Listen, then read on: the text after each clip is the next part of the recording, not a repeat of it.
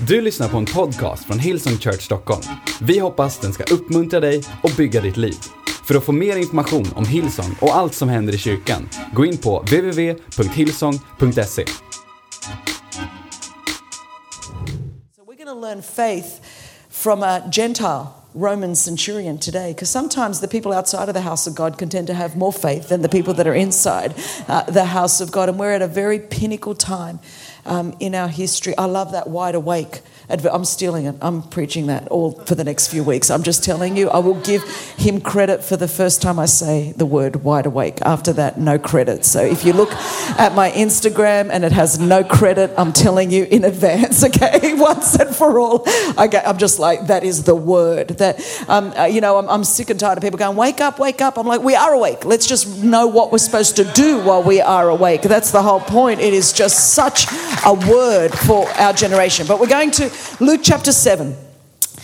And um, I'm so excited that TBN is here in Scandinavia. And, um, you know, I, I love TBN and I love that our church is um, a part of what God is doing, getting the word of God out across the place. So we're going to Luke 7. The Bible says, after he had finished all his sayings. Now, when the scripture says after, it's good to know what came before the after. So, what was before, what is now after, was Jesus had just finished preaching the Sermon on the Mount.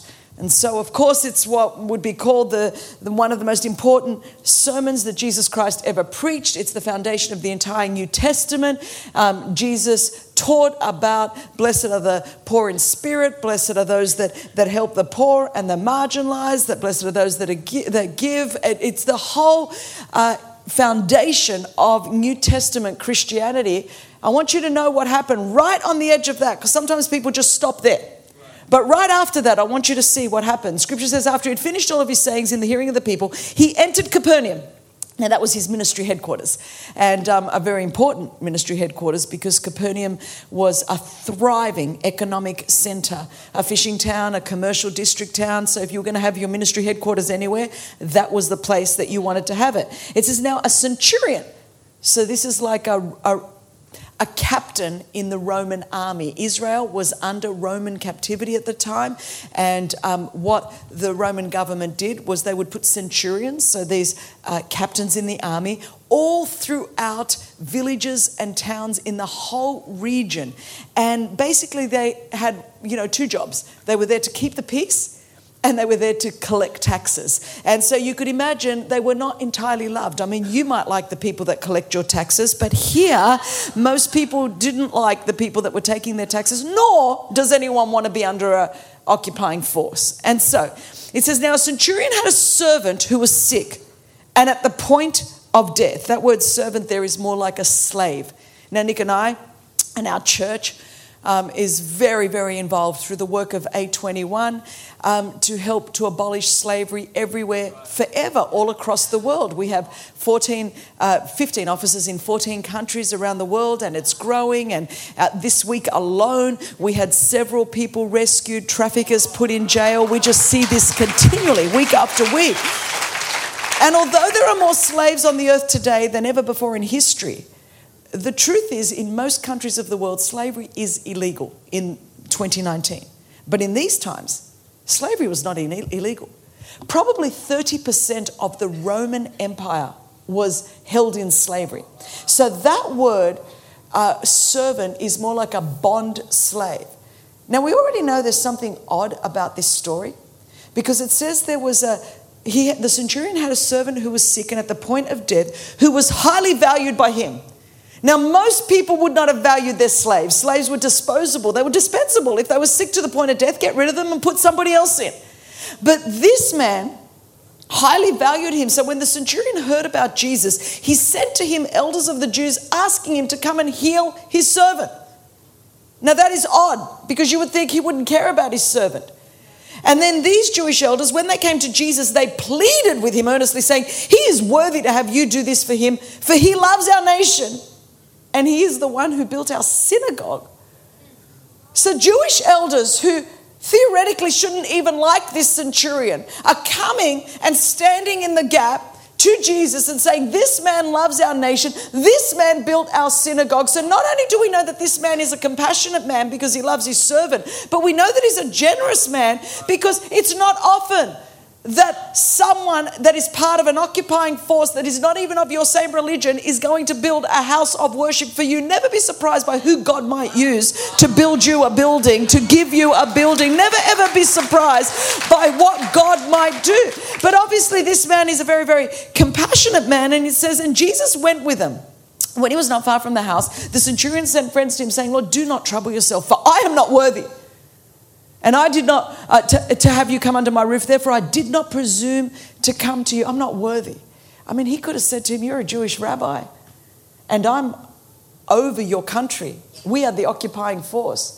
So there is a humility about this man, not just a generosity or a compassion, but there's a humility about him. He saw something in Jesus that so many people up until this point had never seen. He's a Roman Gentile centurion. He saw something. He says, um, and I'm not worthy to have you do this for me. And it goes, Therefore, I did not presume to come to you, but say the word and let my servant be healed. For I too am a man set under authority, so he understands authority. In a world that despises authority that you and I live in, this man understood the power of submission and authority. It says, I am a man set under authority with soldiers under me. And I say to one, go, and he goes, and to another, come, and he comes, and to my servant, do this, and he does it. When Jesus heard these things, I want you to see this. He marveled at him and turning to the crowd that followed him, said, I tell you, not even in Israel have I found such faith. And when those who had been sent returned to the house, they found the servant well. The Bible says Jesus marveled at him. That word marveled in the Greek is thavmazo. You might wonder how I know Greek in the Bible. It's because I know a little Greek. I'm little and I'm Greek. And so there is like thavmazo, that little thavmazo. The fact is, that word thavmazo means to be astounded, to be astonished, to marvel. That word is used 43 times in the Bible, but it is only ever used twice in relation to Jesus. There is only two times in the entire New Testament that Jesus marveled. What is astonishing to me is that Jesus would marvel at all. What would make the God of the universe marvel? This is God that created everything. He knows the beginning from the end. I mean, he woke up one day, went, Earth, oops, look what I did. There it is. It just keeps going. It's that's that's it. He said to the sun once, I want you to come up in the morning, go down at night. He only ever had to say it once, it keeps doing it. This is God. But apparently, scripture tells us there is a kind of faith that is available to us that could cause the God of the universe to marvel. There is a type of faith that astounds God. Now, there's only two times this word is used in relation to Jesus. So both times have got to do with faith. But that's the first time.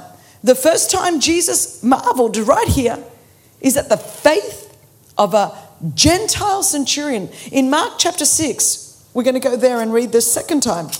the only other time, not the second necessarily, but the only other time Jesus marveled. In Mark chapter 6, Matthew, Mark, I'm using a new Bible so they move all the books of the Bible around when you're using it. The Bible says, He went away from there and he came to his hometown. And his disciples followed him. And on the Sabbath, he began to teach in the synagogue, and many who heard him were astonished. Now, Astonished can be another word for marvel. Jesus astonished people wherever he went. He astonished people with his wisdom, with his teaching, with his authority over demons and the devil and sickness and disease. Jesus caused people to marvel wherever he went. But he only marveled twice.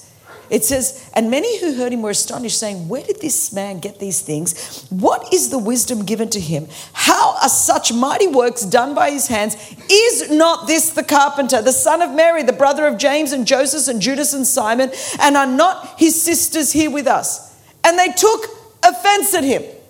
Can you imagine going down being written in the Bible that you are someone that took offense at Jesus?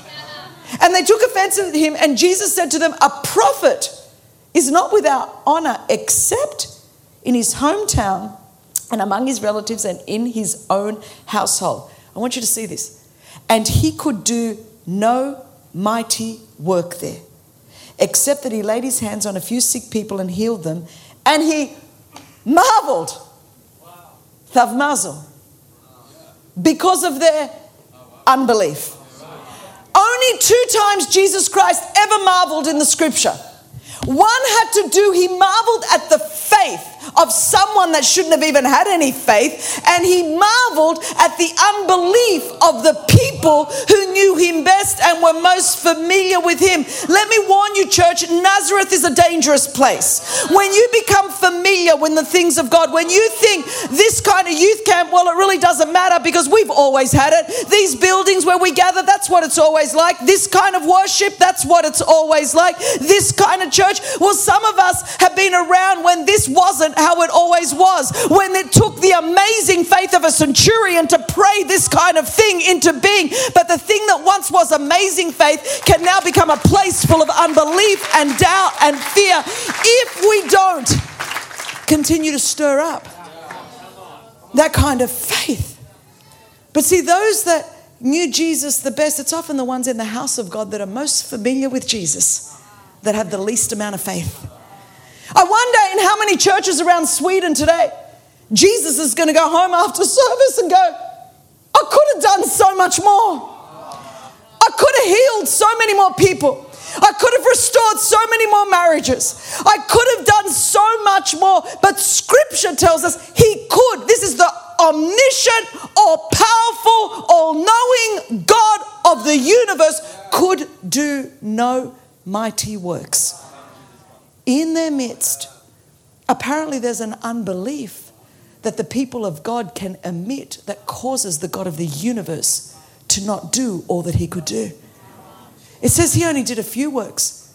I think that often in our churches, there's only a few things when Jesus could do so much more so much more if the people of God were not familiar with the things of God. But the people of God began to believe God at a whole other level. Imagine what God wants to do in Sweden. Imagine the people He wants to save. Imagine the people He wants to heal. Imagine the people He wants to deliver. Imagine what He wants to do. But how often does He go and go, I could have done so much more?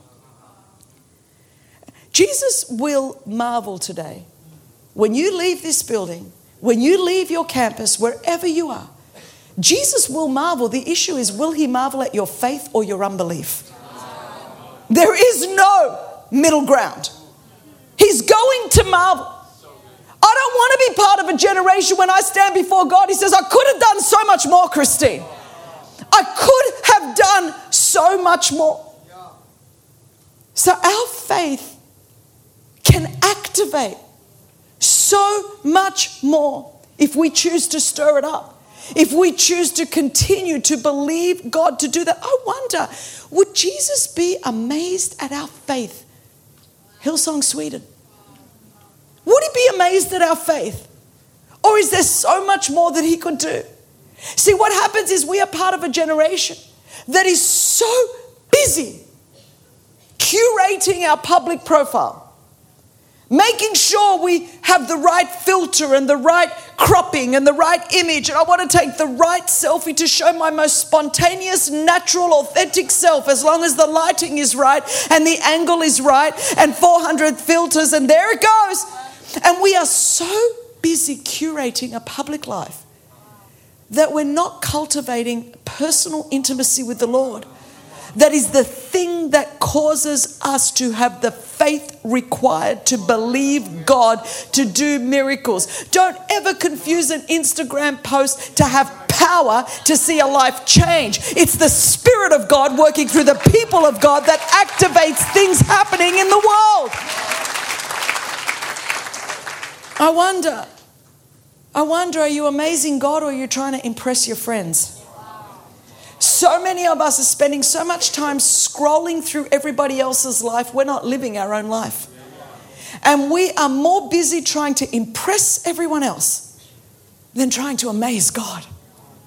I want to live a life that causes Jesus to be amazed, that causes Jesus to marvel at my faith. Our job as Christians, scripture tells us in 2 Corinthians chapter 5 verse 7 we live by faith and not by sight. The righteous will live by faith in Romans 1:17, Galatians 2:20, I've been crucified with Christ. I no longer live, but Christ lives in me. The life I live in the body, I live by faith in the Son of God Faith is the currency of heaven. Faith is what we operate as, as men and women of God, whether you are my age, in your 50s, in your 60s, in your 40s, in your 20s, as teenagers. God has given us a measure of faith, and nations haven't been changed without faith. We've got the world complaining. They're talking about political problems and social problems and economic problems and environmental problems and moral problems. And yes, we do have some issues, but they're not the biggest issue.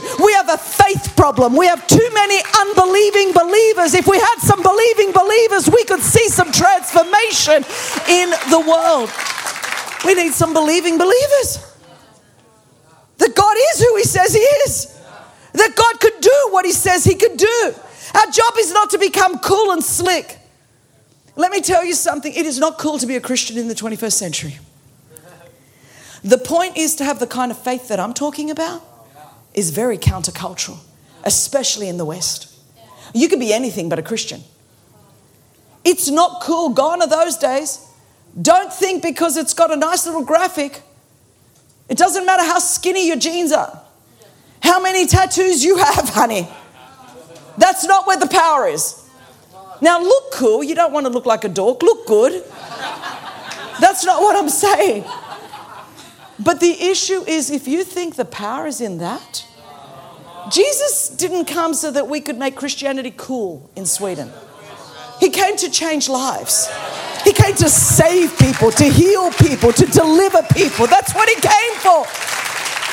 But the kind of faith that's going to cause Jesus to marvel in 2019, 2020, 2021, across the world, it's extremely countercultural because we live in a world full of unbelief and cynicism a, a, a world that is full it's pluralistic it's relativistic it's it's it's postmodern modern modern post-christian christian christian.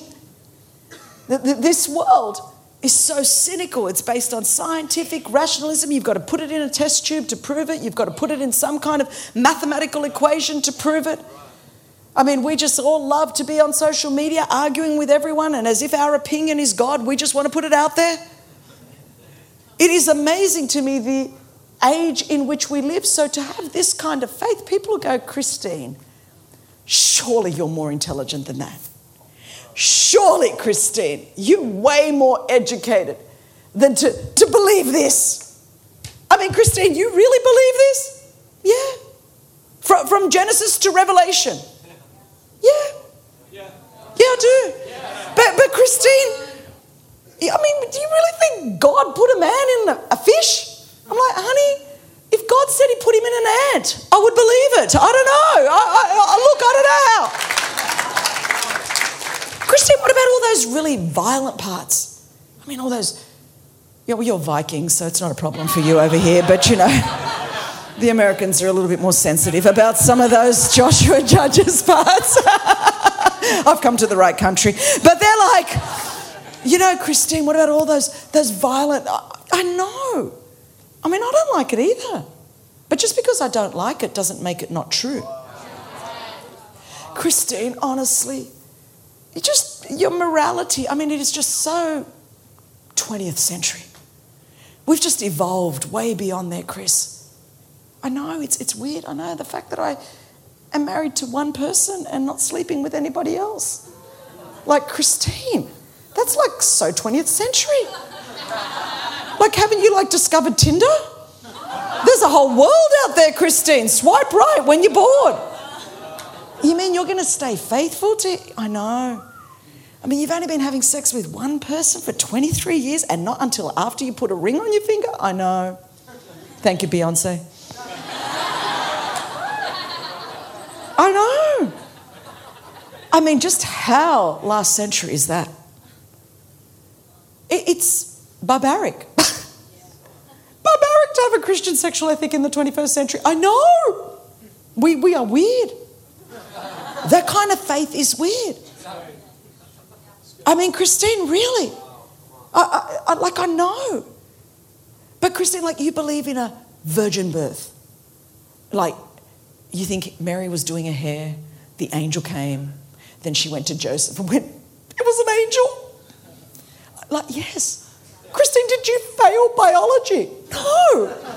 No. We've had two children. It was not an angel.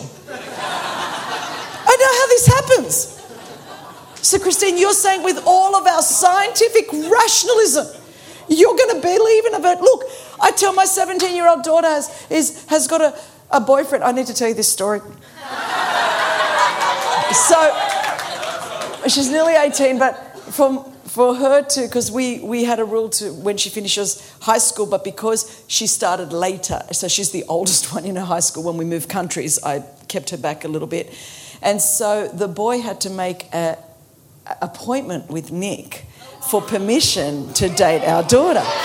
And so he, he made an appointment with our secretary, and then he had to come to our office and then he had to wait for 30 minutes, and then Nick brought him into our office. And um, this is, and Nick had printed some statistics uh, from the internet that talk about um, high school romances.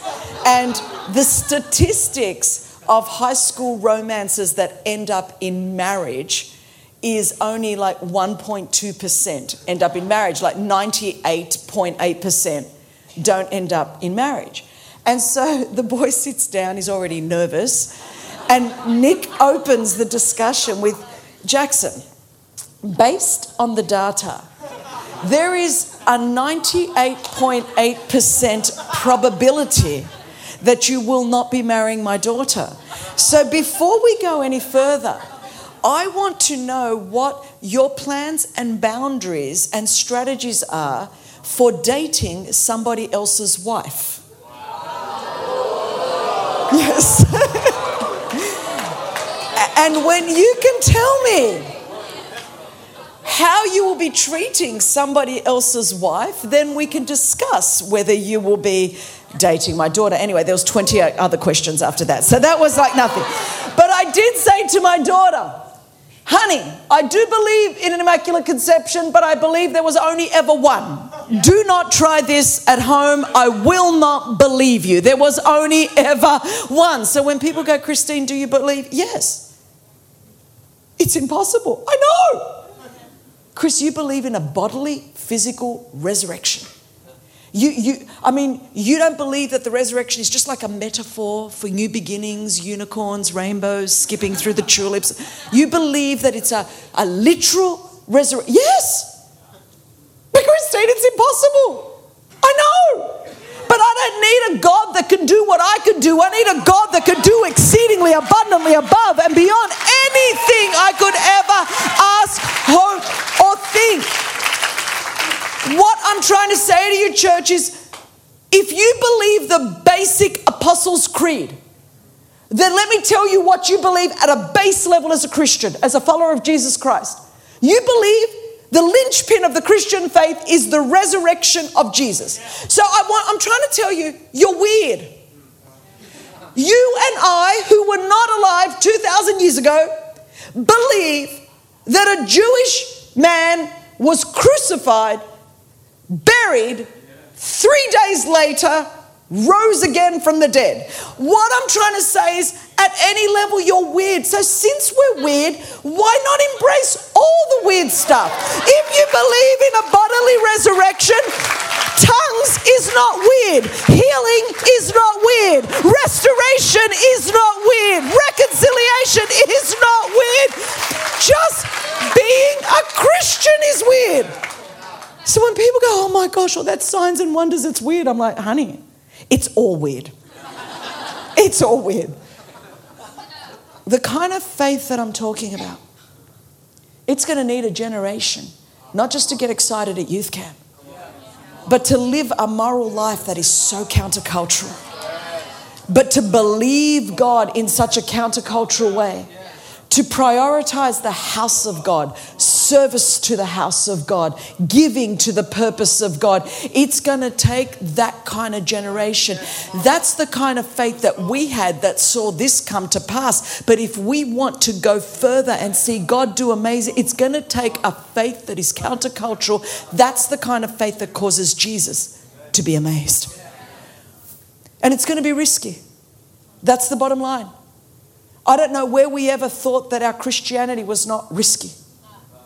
I'll only come and serve only if it fits into my little comfortable life.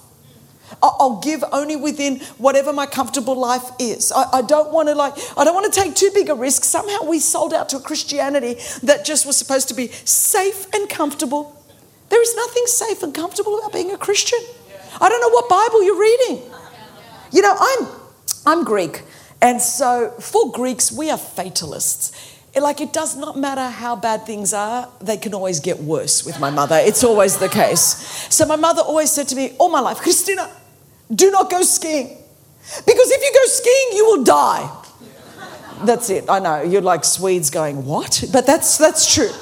So I didn't go. When we moved to America, I was 45, and finally I felt that I was far enough away from my mother in Australia to go skiing and not get in trouble. So I went to skiing. And I was with my husband, and we were with five other American families. And it was during the Vancouver Winter Olympics. And you know, in Australia, I only surfed. We don't really have snow very much, and so I never skied. But I thought, I'm going to go skiing, and I would watch the Olympics at night and then I would think in the day, I'm going to represent Australia and I'm going to do this. So, you know, I had no ability. So I was on the flat green slopes with the two year olds that were just learning to ski. That's where I was. And all the boys were with all these American families. They were on the double black diamond suicide, you know, like come down, whatever that was. And all the boys wanted Nick to go. But this one day I talked him into coming with me on the, the flat green slope and we're skiing away. And I said, Babe, if you were with the boys today, you would not be having any more fun, would you?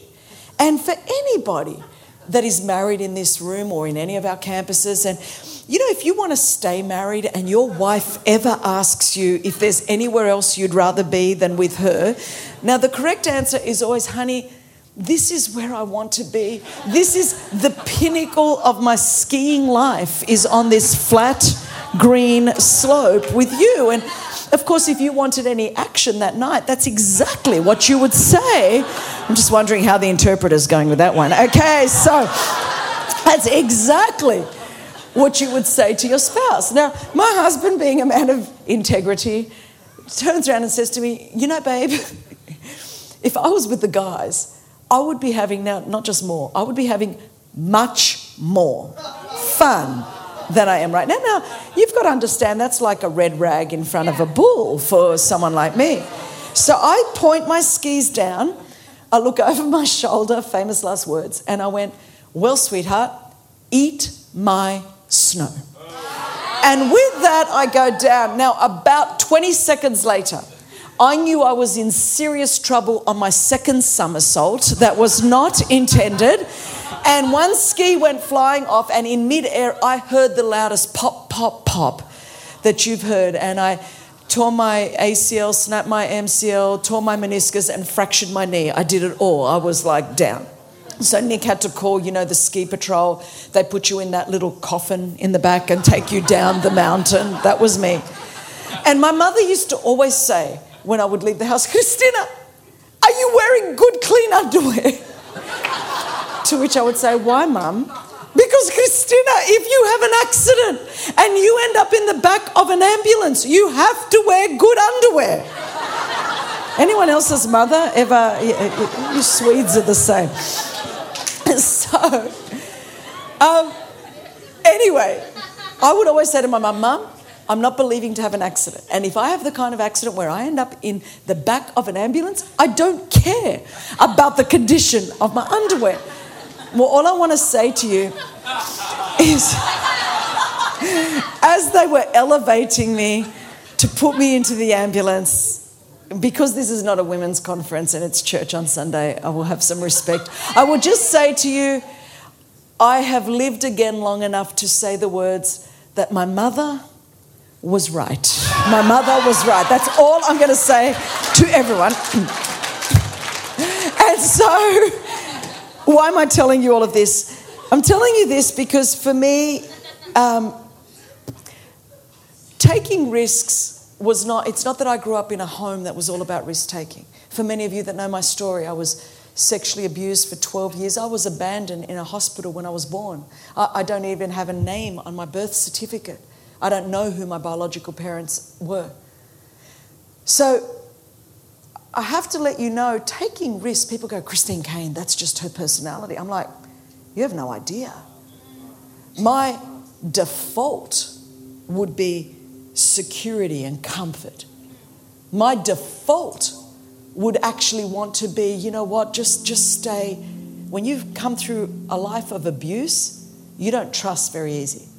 Tr- trust is not something that comes naturally to me. Trust was violated when I was abandoned in a hospital when I was born. Trust was violated by four men for 12 years that abused me and violated me. So it's not like it's a personality thing. Faith is not something on a disc profile or an Enneagram number. It's not when you go, well, they just had faith. All of us have faith. But I need you to understand that faith is predicated on trust, not on understanding. And we have a generation that's trying to understand God before they'll serve God. We've got a generation that wants to know what am I going to get back? What's this going to cost me? And what am I going to get back? If I give my time, if I give my talent, if I give my treasure, if I give my, my resources into the house, what, what am I going to get back? And God says, There's a lot of things you're never going to understand this side of eternity, but will you trust? When I came here 20 years ago, that it was ridiculous an unnamed, unwanted, abused, adopted chick from the back of Sydney, Australia, connects with a Swedish man with no credentials, came back from America. It, no sense, but faith. No understanding, but faith.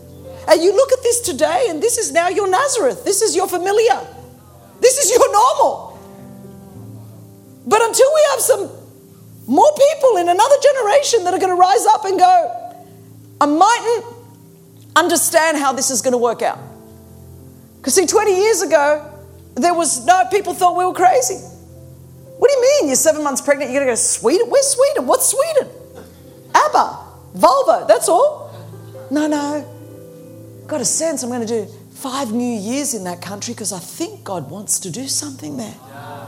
So I'm going to get on a plane when it's summer in Australia and go when it's not summer in New Year's in Sweden to have four hour prayer meetings over New Year because I, I think God wants to do something. Christine, that makes no sense. I know, but I've got faith. Oh, I know this isn't going to fit in a formula. I know it's not going to make any sense. Now everyone's like, I want to be Christine Caine. I'm like, really? Because this was not built on understanding. God didn't send me a roadmap and say, honey, you're going to build this awesome, large global ministry. No, no, no. It was like, whoa, this is risky.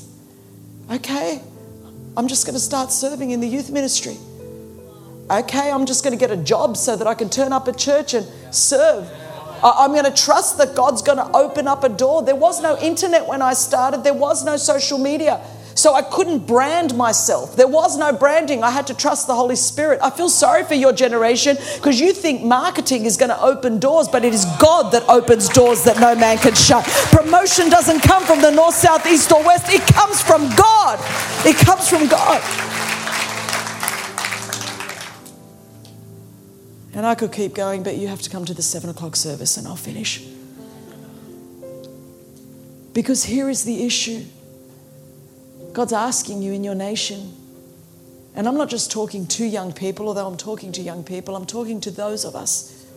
Some of you, you're my age, you've been around for a long time, you've seen things, you've heard prophetic words, you've seen glimpses, but somewhere you just got comfortable. You kind of turn up because that's what we do. But you haven't been all in for a long time. Haven't been all in. I mean, you can be there but not there. You can turn up and sit in a seat, but somewhere you stop believing God because disappointment came. It happens when you're our age. That marriage didn't work out, that child didn't, you thought that promise was going to happen. And somewhere you allowed discouragement and disappointment and disillusionment to quench the faith. You still go through the religious routine, but you haven't been alive to the promises of God. And I believe God sent me here this 20 year to go, it's time to stir some of that back up again. Because there is a faith that causes God to be amazed. But if you are looking to understand every step of it, you have to be comfortable with the mystery. Have I not had disappointment in 20 years? Plenty of it. Have I not had the opportunity to be disillusioned? Plenty of times. Have people not let me down, betrayed me, hurt me? Absolutely. But this thing I'll say to you He who promised is faithful. That Jesus has never left me, Jesus has never forsaken me, Jesus has never let me down, Jesus has always come through. So I'm inviting you to take a risk again this morning. I'm inviting you, young people, to dare to have the kind of faith that's going to cause some of your friends to think you're crazy that's going to cause people in this culture to think you've lost your mind. But the minute you try to understand God and put Him in a box and ask God to give you a blueprint for where you're going to go, then you're already not going to be on a walk of faith. Because we walk by faith, not by sight. You look at our lives now And I agree with you, to God be the glory. Look what God has done. I couldn't have dreamt when I started, when I was your age, I didn't even know human trafficking existed. So, those of you that are 20, 21 on your Instagram telling me what you're going to do for God, I'm like, at 21, I didn't even know that what I'm doing today existed. So, don't limit God by what you can imagine. That's so small. Just come and serve, come and sow, come and give, and let God unfold your life. I couldn't have dreamt my life. I couldn't have dreamt anything this big. I couldn't have dreamt anything this effective. But what I did do is die to self. What I did do is when I didn't understand, I kept trusting. What I did do is I just kept turning up, and when I didn't understand, I just kept trusting, and I just kept trusting, and I just kept trusting. And at 53, with now daughters your age, the future looks awesome. But it only looks awesome if we don't get familiar with what was once a miracle. Because once we get familiar, the Bible says Jesus couldn't do any miracles amongst them. We didn't come for cool church, we came for supernatural church. We came for miracles and signs and wonders. We came to build a church where the world would go. We, we can't get answers out there. But we've heard at that church, at that Hillsong church, we've heard that bodies are healed. We've heard that addictions are broken. We've heard that marriages are restored. We've heard that something's happening that we don't understand it, but they seem to trust. I want us to be a house that trusts God, even when we don't understand. I wonder if you know this God that I'm talking about. Not, not do you know about him, but do you know him? On all of our campuses, it's one thing to go to church, it's, it's one thing to have heard about Jesus. But I'm not asking you that. I'm asking, have you surrendered your heart and your life to the Lordship of Jesus Christ? Not do you go to church, not do you come from a religious family. The kind of faith that I'm talking about now, the, the Holy Spirit's working on your heart. I don't need to pump it up. But you're watching me this morning, you're going, whatever that faith is, I don't know that. I, I don't know that. And the kind of faith that we need in the days in which we're living, some boring religious obligation, that's not going to cut it. Not in the world in which we live it. We need a radical faith of people that have truly encountered a resurrected Savior. We need that kind of faith. And this morning, I don't know what's brought you to church, not on any of our campuses. But I know that you're not here by accident.